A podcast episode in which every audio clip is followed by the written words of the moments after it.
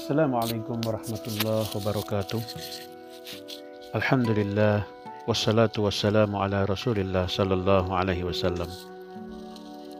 Saudaraku, Ramadan adalah bulan perasaan dan ruhani serta saat untuk menghadapkan diri kepada Allah Subhanahu wa taala.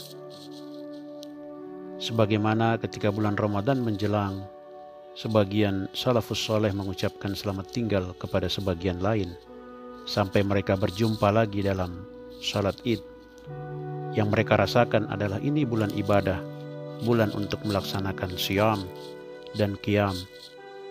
Dan kita ingin menyendiri hanya dengan Tuhan kita, walaupun pada tahun ini masa perpisahan kita akan lebih panjang karena wabah virus yang sedang melanda dunia. Saudaraku sekalian, jika sebagian besar waktu selama setahun telah kita gunakan untuk mengadakan kajian-kajian tentang Al-Quran, maka kita ingin agar waktu yang ada di bulan Ramadan ini kita gunakan untuk melaksanakan hasil dari kajian-kajian tersebut. Apalagi banyak di antara saudaraku sekalian yang mungkin melaksanakan sholat tarawih atau qiyamul lail dan memanjangkannya sampai menghatamkan Al-Quran satu kali di bulan Ramadan.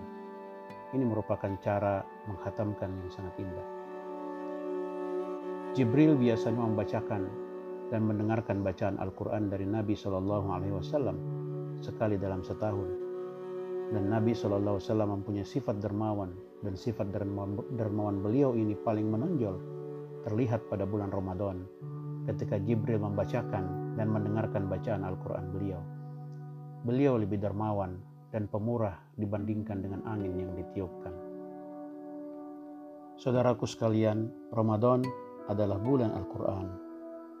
Rasulullah Shallallahu Alaihi Wasallam pernah bersabda mengenainya. Puasa dan Al-Quran itu akan memberikan syafaat kepada hamba di hari kiamat. Puasa akan berkata, Ya Robbi, aku telah menghalanginya dari makan dan syahwat maka perkenankanlah aku memberinya syafaat untuknya. Sedangkan Al-Quran akan berkata, Ya Robbi, aku telah menghalanginya dari tidur di malam hari, maka perkenankan aku memberikan syafaat untuknya. Maka Allah memperkenankan keduanya memberikan syafaat. Hadis riwayat Ahmad dan Daraqutni. Wahai saudaraku sekalian, kita telah berbicara panjang lebar tentang sentuhan perasaan cinta dan persaudaraan yang dengannya Allah telah menyatukan hati kita. Yang salah satu dampaknya yang paling terasa adalah terwujudnya pertemuan ini karena Allah.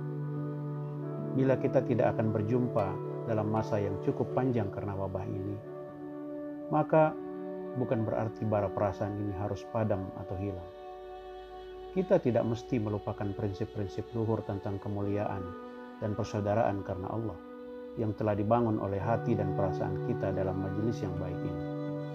Sebaliknya, saya yakin bahwa ia akan tetap menyala dalam jiwa sampai kita bisa berjumpa kembali bila masanya tiba insya Allah. Maka ada salah seorang dari kita, maka jika ada salah seorang di antara kita yang melaksanakan sholat pada malam ini, maka saya berharap agar ia mendoakan kebaikan untuk saudaranya. Jangan kita lupakan ini. Kemudian saya ingin kita selalu ingat bahwa jika hati kita merasa dahaga akan perjumpaan ini selama masa-masa wabah ini, maka saya ingin kita semua tahu bahwa dahaganya itu akan dipuaskan oleh air mata yang lebih utama, lebih lengkap dan lebih tinggi, yaitu hubungan dengan Allah Subhanahu wa taala yang merupakan cita-cita terbaik seorang mukmin bagi dirinya di dunia maupun di akhirat. Karena itu saudaraku sekalian, hendaklah kita semua berusaha agar hati kita menyatu dengan Allah Subhanahu wa taala pada malam-malam bulan mulia ini. Sesungguhnya puasa adalah ibadah yang dikhususkan oleh Allah Subhanahu wa taala bagi dirinya. Kullu amal ibni Adam lahu illa syam fa innahu li wa ana ajri bih. Semua amalan anak Adam adalah untuknya kecuali puasa. Ia adalah untukku dan aku akan memberikan balasannya. Hadis riwayat Bukhari Muslim. Ini, wahai saudaraku, mengisyaratkan bahwa setiap amal yang dilaksanakan oleh manusia mengandung manfaat lahiriah yang bisa dilihat dan di dalamnya terkandung semacam bagian untuk diri kita. Kadang-kadang jiwa seseorang terbiasa dengan sholat sehingga ia ingin melaksanakan banyak sholat sebagai bagian bagi dirinya. Kadang-kadang ia terbiasa dengan zikir sehingga ia ingin banyak berzikir kepada Allah sebagai bagian dari dirinya. Kadang-kadang ia terbiasa dengan menangis karena takut kepada Allah, maka ia ingin banyak menangis karena Allah sebagai bagian dari dirinya. Adapun puasa, wahai saudaraku, di dalamnya tidak terkandung apa pun selain larangan.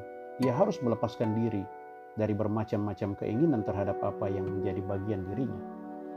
Bila kita terhalang untuk berjumpa satu sama lain, maka kita akan banyak berbahagia karena bermunajat kepada Allah Subhanahu wa taala dan berdiri di hadapannya khususnya ketika melaksanakan sholat tarawih atau qiyamul lail. Saudaraku sekalian, hendaklah senantiasa ingat bahwa kita semua berpuasa karena melaksanakan perintah Allah Subhanahu wa taala. Maka berusahalah sungguh-sungguh untuk beserta dengan Tuhan kita dengan hati kita pada bulan mulia ini. Saudaraku sekalian, Ramadan adalah bulan keutamaan. Ia mempunyai kedudukan yang agung di sisi Allah Subhanahu wa taala Hal ini telah dinyatakan dalam kitabnya. Syahrul Ramadan alladhi unzila fihi al-Quran hudan linnasi wa bayyinatin minal huda wal furqan. Beberapa hari yang ditentukan itu ialah bulan Ramadan. Bulan yang di dalamnya diturunkan permulaan Al-Quran sebagai petunjuk bagi manusia dan penjelasan-penjelasan mengenai petunjuk itu dan pembeda antara yang hak dan yang batil.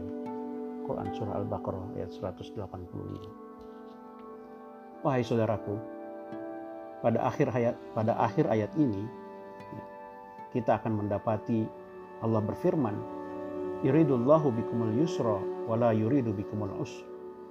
Allah menghendaki kemudahan bagimu dan tidak menghendaki kesukaran bagimu. Puasa adalah kemanfaatan yang tidak mengandung bahaya dengan penyempurnaan puasa ini Allah Subhanahu wa taala akan memberikan hidayah kepada hambanya. Jika Allah memberikan taufik kepada kita untuk menyempurnakan ibadah puasa ini dalam rangka menaati Allah Subhanahu wa taala, maka ia adalah hidayah dan hadiah yang patut disyukuri dan selayaknya Allah maha, dimaha besarkan atas karunia hidayah tersebut. Allah Subhanahu wa taala berfirman dalam surah Al-Baqarah walitukmilul iddata walitukabbirullaha ala ma hadakum wala'allakum tashkurun dan hendaklah kalian mencukupkan bilangannya dan hendaklah kalian mengagungkan Allah atas petunjuknya yang diberikan kepada kalian supaya kalian bersyukur. Kemudian wahai saudaraku lihatlah dampak dari semua ini. Allah berfirman dalam surah Al-Baqarah ayat 186.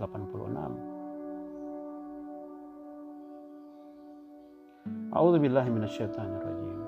Wa idza sa'alaka 'ibadi anni fa inni qarib. Ujibu da'watad da'i idza da'an falyastajibu li wal yu'minu bi la'allahum yarshudun. Dan apabila hamba-hambaku bertanya kepadamu tentang aku, maka jawablah, bahwasanya aku adalah dekat. Aku mengabulkan permohonan orang yang berdoa apabila ia berdoa kepadaku. Maka hendaklah mereka itu memenuhi segala perintahku dan hendaklah mereka beriman kepadaku agar mereka selalu berada dalam kebenaran. Wahai saudaraku, di sini kita melihat bahwa Allah yang maha benar meletakkan ayat ini di tempat ini untuk menunjukkan bahwa dia subhanahu wa ta'ala paling dekat dengan hambanya adalah pada bulan mulia ini. Allah Subhanahu wa taala telah mengistimewakan bulan Ramadan dan mengenai hal ini terdapat beberapa ayat dan hadis. Nabi Shallallahu alaihi wasallam bersabda, "Idza jaa syahrur ramadana futtihat abwabul jannah wa ghulliqat abwabun nar wa suffidatis syayatin." Jika bulan Ramadan datang, pintu-pintu surga dibuka, pintu-pintu neraka ditutup, setan-setan dibelenggu. Wahai saudaraku, pintu-pintu surga dibuka. Karena manusia berbondong-bondong melaksanakan ketaatan, ibadah, dan taubat sehingga jumlah pelakunya banyak. Setan-setan dibelenggu karena manusia akan beralih kepada kebaikan, sehingga setan tidak mampu berbuat apa-apa. Hari-hari dan malam-malam Ramadan merupakan masa-masa kemuliaan yang diberikan oleh Al-Haq Subhanahu wa Ta'ala, agar orang-orang yang berbuat baik menambah kebaikannya, dan orang-orang yang berbuat jahat mencari karunia Allah Subhanahu wa Ta'ala, sehingga Allah mengampuni mereka dan menjadikan mereka hamba-hamba yang dicintai dan didekatkan kepada Allah Subhanahu wa taala. Keutamaan dan keistimewaan paling besar di bulan ini adalah bahwa Allah Subhanahu wa taala telah memilihnya menjadi waktu turunnya Al-Qur'an. Inilah keistimewaan yang dimiliki oleh bulan Ramadan. Karena itu Allah Subhanahu wa taala mengistimewakan dengan menyebutnya dalam kitabnya Syahrul Ramadan alladzi unzila fihi Al-Qur'an. Beberapa hari yang ditentukan ialah bulan Ramadan, bulan yang di dalam diturunkan permulaan Al-Quran, surah Al-Baqarah ayat 185. Ada ikatan hakikat dan fisik antara turunnya Al-Quran dengan bulan Ramadan. Ikatan ini adalah selain bahwa Allah telah menurunkan Al-Quran di bulan Ramadan, maka di bulan ini pula dia mewajibkan puasa, karena puasa artinya menahan diri dari hawa nafsu dan syahwat ini merupakan kemenangan hakikat spiritual atas hakikat materi dalam diri manusia. Ini berarti, wahai saudaraku, bahwa jiwa, ruh, dan pemikiran manusia pada bulan Ramadan akan menghindari tuntutan-tuntutan jasmani. Dalam kondisi seperti ini, roh manusia berada di puncak kejernihannya karena ia tidak disibukkan oleh syahwat dan hawa nafsu. Karena itu, ia dalam keadaan paling siap untuk memahami dan menerima ilmu dari Allah Subhanahu wa taala. Karena itu wahai saudaraku yang mulia, tujuan-tujuan asasi dalam kitab Allah Subhanahu wa taala dan prinsip-prinsip utama yang menjadi landasan bagi petunjuk Al-Qur'an ada tiga.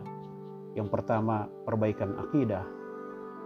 Yang kedua, pengaturan ibadah. Dan yang ketiga, pengaturan akhlak.